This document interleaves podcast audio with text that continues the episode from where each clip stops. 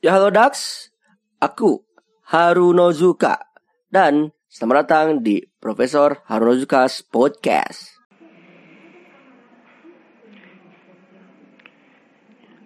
Ya baik, kembali lagi bersama aku Harunozuka dan sekarang bakal bahas kajian perilaku ibu kedua, Mark 2. Temanya itu tentang perilaku lagi pastinya. Namun dilihat dari status-status dulu yang saya buat statement-statement dulu. Ternyata saya baru mulai berstatement itu 2015 meskipun saya udah menjadi pengamat ibu ya sekitar 2012 2013an tapi mungkin itu kan masih kecil ya. Masih insekuritas tinggi nggak punya link nggak punya keberanian. Jadi ya cuma sedikit yang tahu.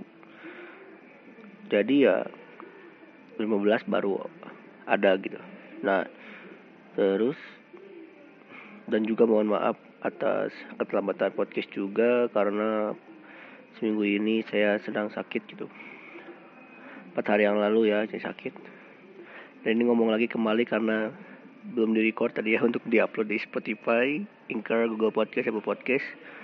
Nanti di upload biar diabadikan gitu. Kalau live di Facebook kan diabadikan di Facebook doang. Nah nanti akan disebarkan di platform lainnya gitu jadi kali ini membahas suatu perilaku ibu ya. Nah, dulu itu pastinya saya lupa juga ya konteks 2015 tuh apa. Cuman ketika lihat lagi tadi kan search saya ketik hashtag sosioibologi ternyata keluarlah yang paling pertama itu si ini nih ada kutipan atau statement yang namanya eh yang berstatus tentang ada kepantasan untuk segala sesuatu. Maka apabila Anda diberi komentar oleh orang lain, sikap kedewasaan mula yang menentukan apakah kamu menjadi masalah yang terpecahkan atau masalah yang terdramakan. Kayaknya dulu itu ngebahas tentang ini sih pasti menurut saya sih sampai sekarang relevannya adalah ketika sama-sama apa ya namanya itu sama-sama masalahnya sama aja gitu. Jadi ketika ada kepantasan untuk sesuatu, maka apabila Anda diberikan komentar oleh orang lain, sikap kedewasaan mulai yang menentukan apakah akan menjadi masalah yang terpecahkan atau masalah yang terdramakan. Dulu punya masalah, pasti ini nggak jauh beda dari, dari sosmed. Dari bikin status di sosmed, ngeren, yang sampai sekarang relevansinya cukup kuat, dan di situ mendapatkan suatu kepantasan segala dalam segala sesuatu gitu.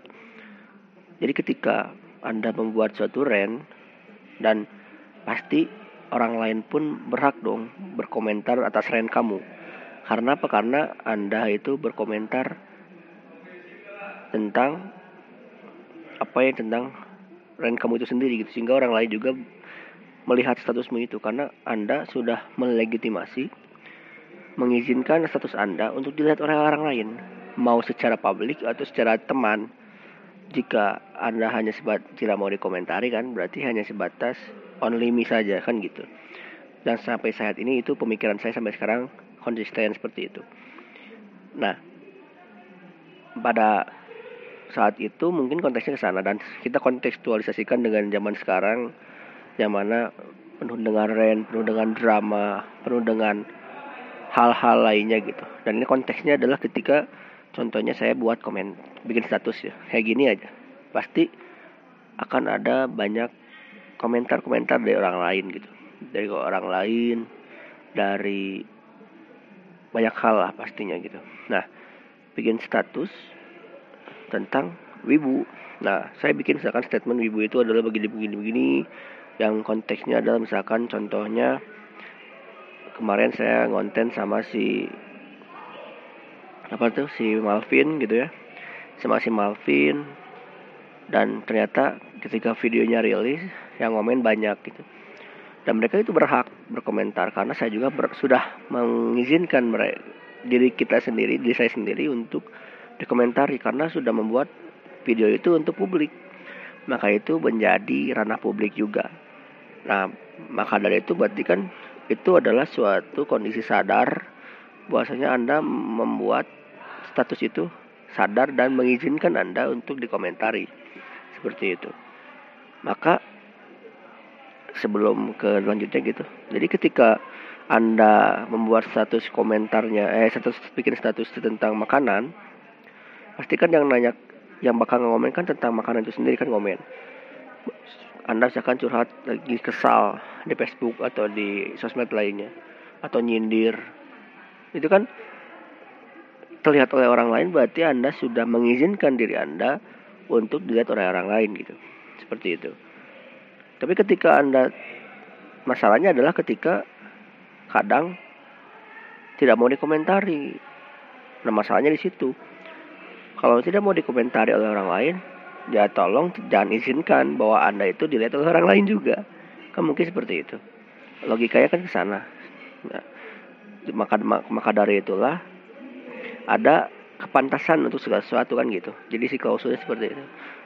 Nah, terus ketika membuat suatu statement dan komentarnya macam-macam kan macam-macam. Ada yang mendukung pro ada yang negatif kontrol gitu kan kontra. Kemudian ada yang memang cenderung heroi ada yang cenderung main-main ada yang cenderung hal lainnya. Itu emang harus seperti itu. Karena orang-orang kan kemajemukan itu kan jadi banyak orang gitu kan. Kepala orang kan banyak sekali. Sehingga sangat diwajarkan gitu. Jadi dalam konteks contohnya peribuan itu mungkin ketika misalkan saya bikin status bagus gaya aku cosplay ini suatu karakter ini cosplay. Atau bagus gaya aku nyanyi ini bagus gaya aku gambar ini kan itu sudah melegitimasi itu mengizinkan diri anda untuk dikomentari oleh orang lain. Nah berarti kan ada komentar-komentar yang misalkan untuk gambar wih ini mah terlalu ini misalkan terlalu menyon terlalu over brightness atau bagaimana gitu kan. Tidak yang saya baca-baca biasanya yang tentang ini mah anatominya kurang ini katanya kan ada saya baca-baca tuh. Atau kalau cosplaynya kan kurang detail kurang pembawaan kamunya pendek kamunya ini mulai bagian ke body shaming mungkin atau nah hal-hal shaming lainnya. Dan banyak hal gitu. Nah di situ kan justru ketika membuat statement itu ya pastinya harus dengan penuh tanggung jawab. Makanya itu di, ada kata selanjutnya adalah sikap kedewasaan mula yang menentukan apakah akan menjadi masalah yang terpecahkan atau masalah yang terdramakan. Jadi ketika Anda membuat status itu sebetulnya Anda bukan membuat masalah bukan tapi membuat suatu klausul, suatu case ya. Misalkan the case-nya adalah e, kenapa wota itu selalu diidentikan dengan JKT atau misalkan wota itu kenapa terlalu fanatis misalkan atau ibu itu terlalu fanatis kan itu kan nanya tuh memberikan suatu satu studi kasus misalkan. Atau apa pun itu. Bahkan kan ketika anda ngeren juga itu kan membuat memberikan suatu kasus juga bahwasanya oh ada masalah nih diri orang itu ada masalah. Pas saya masalahnya dengan rent gitu kan dikasih taunya dengan renting venting dan sebagainya. Dan di komen. Nah biasanya kan biasanya itu biasanya cukup di jadi komentarnya kan biasanya mendukung. Kalau mendukung dilematisnya di sana. Kalau mendukung juga belum tentu mendukung udah jelek. Udah belum tentu benar.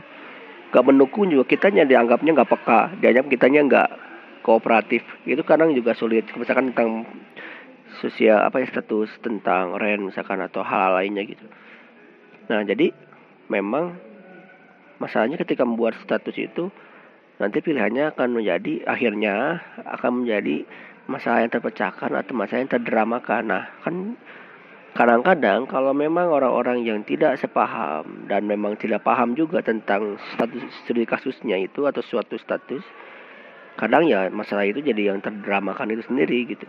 Karena ya kenapa sih drama itu makin banyak? Yang dalam artian drama ini konteksnya adalah peoratifnya terlalu banyak sensasional kemudian banyak ya hal-hal yang memang tidak yang kontraproduktif dan memang gaduh aja gitu. Dan seperti itulah nantinya. Maka dari itu apa ya terdramakan. Ya masalahnya terdramakan atau tidak? Nah, kalau terpecahkan kan nanyanya enak kadang yang ngomen juga ada yang ngeyel gitu kan. Ketika suatu udah kita jangan kan kasus, uh, apa ya jangan kasusnya yang ren tapi yang kasusnya itu tentang uh, apa ya namanya itu tentang pertanyaan saran gitu. Cosplay ini bagus nggak ya gitu. Saya cosplay misalkan sekarang cosplay Nezuko cocok nggak ya?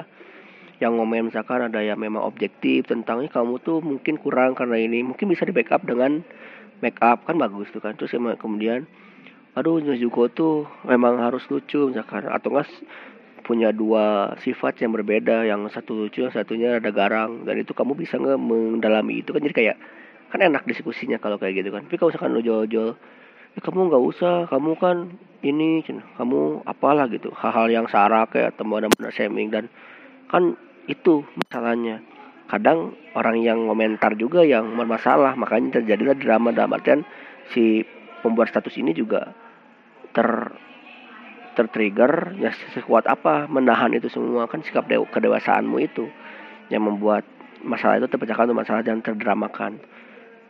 Dan sarannya untuk misalkan orang-orang yang memang nyeleneh itu ya dipantau saja atau dilewat saja. Jangan jangan dikomentari balik karena sejatinya mereka itu kan teror gitu kan memberikan suatu pandangan untuk orang-orang yang ya sengaja aja kayak gitu. Emang mencari uh, biasanya sih disebutnya attention seeker gitu kan mencari perhatian. Dan emang kalau ada masa ada masalahnya muncul dan dari drama mereka senang kan gitu. Jadi uh, salah satu cara adalah mengabaikannya. Salah cara cara efektifnya itu mengabaikannya. Termasuk ketika misalkan yang ngeren misalkan si A ini ngeren kasusnya satunya.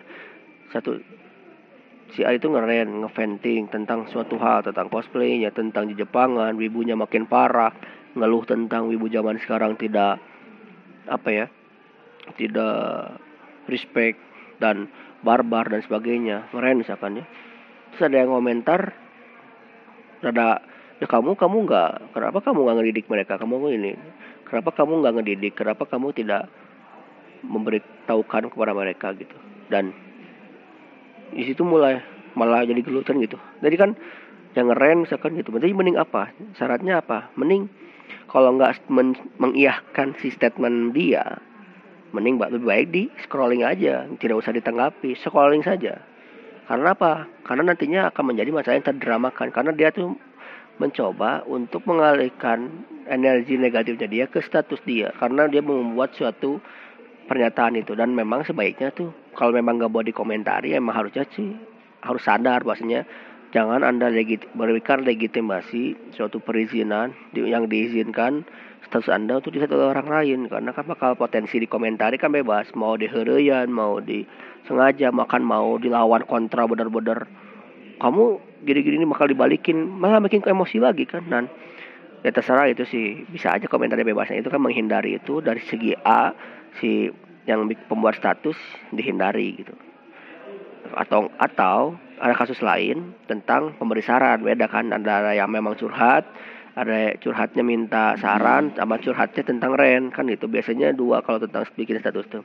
Atau nggak pamer kan gitu. Pamer juga kan ada legitimasi. Ada legitimasi atau diizinkan oleh orang itu membuat status itu bahwasanya dilihat oleh orang lain. Dan itu kan wajar. Wajar banget bakal dikomentari mana mah pamer. Kan itu yang studi poinnya seperti itu. Tapi kan bahasa lainnya adalah ketika dia itu ya orang lain yang ngomongnya tuh ih keren ya beli di mana. Kan jadi kayak gitu. Kan memang kan itu kan jadi mereka memang sengaja si pembuat status kan membuat suatu perhatian memberikan perhatian. Masalahnya diperhatikan atau enggak gitu kan masalahnya itu. Nah itu sikap dewa sikap kedewasaannya sekuat apa? Yang melihat si komentatornya juga. Nah dalam segi B dalam segi komentator terhadap si uh, apa ya lupa yang yang curhat itu ya. Kalau yang curhat minta saran ya jawab yang benar itu masalahnya. Nah, ini kan baru kalau yang ngeren mah karena memang sejatinya mereka itu ingin lebih banyak untuk tidak mau dikomentari tapi ingin dibaca saja. Ya udah iyahkan iyahkannya apakah anda ingin mengiyahkan secara komentar? Tapi hati-hati juga harus dibaca juga dengan lebih baik gitu tapi kalau misalkan memang disarankan sih mending di scrolling saja. Baca pahami scrolling saja. Karena sejatinya dengan dia read itu adalah dia memberikan suatu kelemahan diri dia sendiri. Itu yang bahaya sebetulnya. Jadi kadang ada yang Eh, komentator ini yang cerdas, yang cerdik melihat orang ini tuh kebetulan yang si bikin ngeren ini uh, atau yang dicurhat ini ternyata musuhnya dia bukan musuh sih, yang orang yang nggak disukai yang nggak disukai oleh komentator ini si temannya ini. Kan enak. Oh dia ngeren ini berarti dia lagi senang, lagi nggak suka sama ini. Dia sengaja dilawan balik makanya jadi ada drama kan seperti itu. Kadang menja apa ya makanya kadang kesal kesalahan itu bukan oleh dibuat oleh orang lain tapi emang masalah itu dibuat oleh diri sendiri masalahnya. Itu. Jadi dipancing oleh diri sendiri untuk dikomentari orang lain dan ternyata masalah itu udah mengerentu untuk pelepasan emosi malah makin emosi. Dan hah seperti itu. Makinlah drama kan gitu. Jadi disarankan antara kedua pihak pem, eh, yang pembuat status sama yang yang ngomen status itu memang harus yang sama-sama saling dewasa gitu. Itu yang memang biasanya sih seperti itu. Tapi kalau yang curhat dia nanya sarannya seperti ini jadi jukonya gimana? Boleh e, cocok nggak ya? Kan nanya kasih saran yang benar gitu. Karena memang dia bertanya secara baik dan benar gitu. Jadi kalian yang komentar itu harus baik juga. Tapi kalau memang nggak mau ngasih juga ya karena memang nah pengendalian dirinya itu kedewasanya itu ya tadi. Yang komentator daripada memang membuat gaduh mending komen aja. Eh nggak komen apa scrolling lagi aja gitu. Ya udah nggak usah dilihat. Maksudnya nggak udah nggak usah direaksi gitu. Apalagi sekarang mah ada fenomena di mana salah reak aja dipermasalahkan ternyata gitu. Ketika apa namanya itu? Dia berharap like like like terus ada yang react yang lain. Marah. Jadi kayak saya juga bingung saya urgensinya apa karena saya kan nggak pernah ngerasain ya kalau yang itu. Ketika semuanya love tahu-tahu ada yang like satu atau wow satu di Facebook tuh atau di lain juga ada kan. Banyak gitu. Dia malah marah kamu mau ah gitulah nggak tahu. Marahnya nggak tahu marah canda atau beneran marah tapi saya pernah lihat marah beneran yang nggak suka sama sekali gitu. Itu kan kayak wow segitunya juga ya ternyata oh efeknya cukup mengerikan gitu itu nggak tahu alasannya apa tapi yang jelas eh, apa ya di antara keduanya memang harus saling mendewasa jadi tanda pendewasaan itu bukan masalah umur masalahnya tapi masalah pengendalian diri. Nah, apa sudahkah kalian pembuat status ini mengendalikan diri Anda ketika Anda emosi? Saya selalu bilang, saya selalu berkampanyekan dari 2016 sampai sekarang pun kalau anda emosi jauhi HP jauhi HP jauhi status jauhi HP aja. Saya yang paling sering tegur tuh enak yang saya saya sebutkan aja. Misalkan beberapa orang kayak si Santor kemudian siapa gitu ya. Mereka yang suka ngeren hindak aduh kesel eh. Tapi keingat si Haru saking seringnya keingat si Haru kalau lagi masalah kalau lagi marah jangan buka HP emang iya soalnya tahu-tahu lepasin di HP dan maksudnya bukan masalah anda pelampiasannya enak memang iya memang sedikitnya enak. Masalahnya kan gak efektif juga kan sedikit masalahnya. Tapi yang makin parah adalah ketika tadi memanfaatkan situasi anda itu dimanfaatkan situasinya oleh orang lain yang tidak yang tidak menyukai anda. Orang lain yang tidak menyukai anda itu bahaya sekali. Karena anda sedang di masa masa-masa kelemahnya anda. Itu kan menjadi suatu tackle down banget gitu sampai-sampai saya apalagi saya sebagai pengamat kayak melihat orang ini secara konsisten dia ngeren tentang suatu tema. Dan dia itu sudah tujuh kali lebih dari tiga kali tujuh kali sepuluh kali tentang yang sama. Itu menjadi jenuh. Itu menjadi jenuh dan ya apa ya namanya itu? Ya jenuh gitu ya, udah jadi jenderal dan memang menjadi kesimpulannya ya orang ini sedang ini dan kalau memang niatnya jahat kan bahaya juga yang emang nggak suka ya. Tapi kalau yang kalau yang nggak suka kalau yang apa ya masih biasa aja ya seharus sebaiknya sih idealnya minta ngasih tolong. Cuman kayak kadang mereka tuh memang pengen ditolong tapi nggak boleh tolong juga. Itu yang PR itu sih hati-hati juga.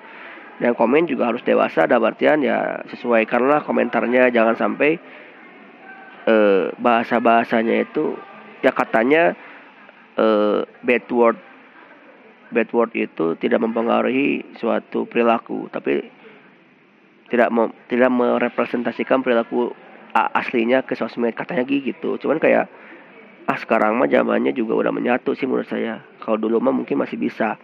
Makanya di, di, uh, dibuatlah kayak akun-akun sosmed yang second akun sama main account gitu kan.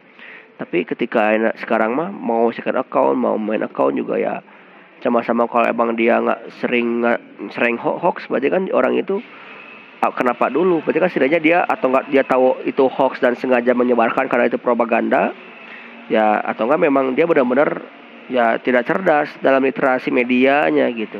Itu kan harus dewasa juga nah itu harus dikasih tahu juga. Dan intinya selalu kalau ya dari komentar ini ya si kom komentator ya seperti mungkin anggaplah saya juga komentator juga sebagai ini disarankan adalah utamakan kalau memang situasinya memang bersifat ngasih saran kasih saran yang benar. Kalau memang bersifat dia itu ngeren atau memang dia bersifatnya itu meledek orang nyindir orang dan kamu jangan ngom di komen. Kalau mau bereaksi jangan di kolom komen. Langsung PM orang itu. PM ya private message. Tapi kalau misalkan lebih baik lagi langsung tegur orangnya di depan muka. Kalau misalkan kamu datang ke ya ketemu sama orang itu langsung kamu bahas ini depan orangnya. Karena harus dibahas secara langsung ya kayak gitu. Soalnya biasa kebiasaan berani secara dia berlindung di balik sosmed itu. Bahaya banget itu. Kan itu kan perilaku perilaku dari si ibu ini. Makanya ketika suatu hal yang memang hal-hal apa pun pasti ada kepantasan atas segala sesuatu makanya. Jadi ya ketika membuat status yang baik pasti ada yang sebanyak sekurang-kurangnya banyak yang ngomen baik juga. Tapi kan kalau yang ngeren pasti juga ya orang ini ngeren mulu. Masalahnya itu masalah hidupnya itu masalah mulu kan. Jadi kayak ada memori kolektif ke orang lain. Itu juga membuat masalahnya uh, apa suatu pembuat uh, membuat uh, identitas profil anda itu jenuh. Ternyata orang ini ngeren mulu. Nah seperti saya misalkan di sosmed itu selalu memberikan suatu komentar tentang wibu jenuh juga. Di oh si Haruma emang suka komentar wibu wae. Kan jadi kayak padahal kan itu status doang. Kan ternyata mempengaruhi jiwa saya juga seorang seorang personal aslinya gitu kan. Berarti ya orang-orang yang seperti itulah. Jadi saling saling saling apa ya saling dewasa dengan cara mengenalkan diri. Seperti itu mungkin. Ini sebetulnya bahasanya jenderal. Saya juga mungkin lupa juga konteksnya apa. Tapi yang menarik adalah ya tadi status ini memang sikap dewasa antara si pembuat status sama si komentator ya konteksnya konteks sosmed ya. Memang potensi itu akan menjadi masalah yang terpecahkan atau masalah yang terdramakan tergantung dari sikap kedewasaannya antar kedua itu antar kedua pihak ini gitu. Mungkin sekian. Terima kasih banyak telah menekan podcast ini Jangan lupa untuk cek Spotify dan hal-hal lainnya untuk lihat spot, uh, podcast lainnya ya, podcast buatanku sendiri gitu. Dan memang saya sih suka orangnya suka ngobrol. Jadi ya gimana ya, nggak bisa kalau kurang dari 10 menit itu gitu.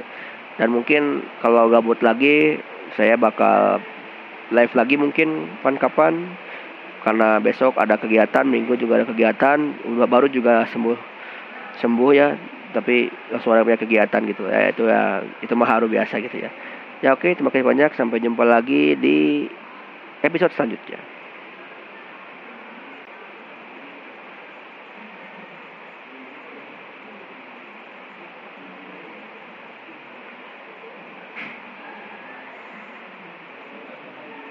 Ya halo Dax, terima kasih banyak sudah mendengarkan podcast ini. Berikan kritik, saran, dan pendapatmu melalui voice message di anchor.fm slash harunozuka slash message atau mau request juga boleh. Follow akun media sosialku di Facebook, Instagram, Twitter, dan Patreon dengan username ID Harunozuka. Dan juga subscribe channel YouTubeku di Prof Harunozuka. Sampai jumpa di podcast selanjutnya. Terima kasih.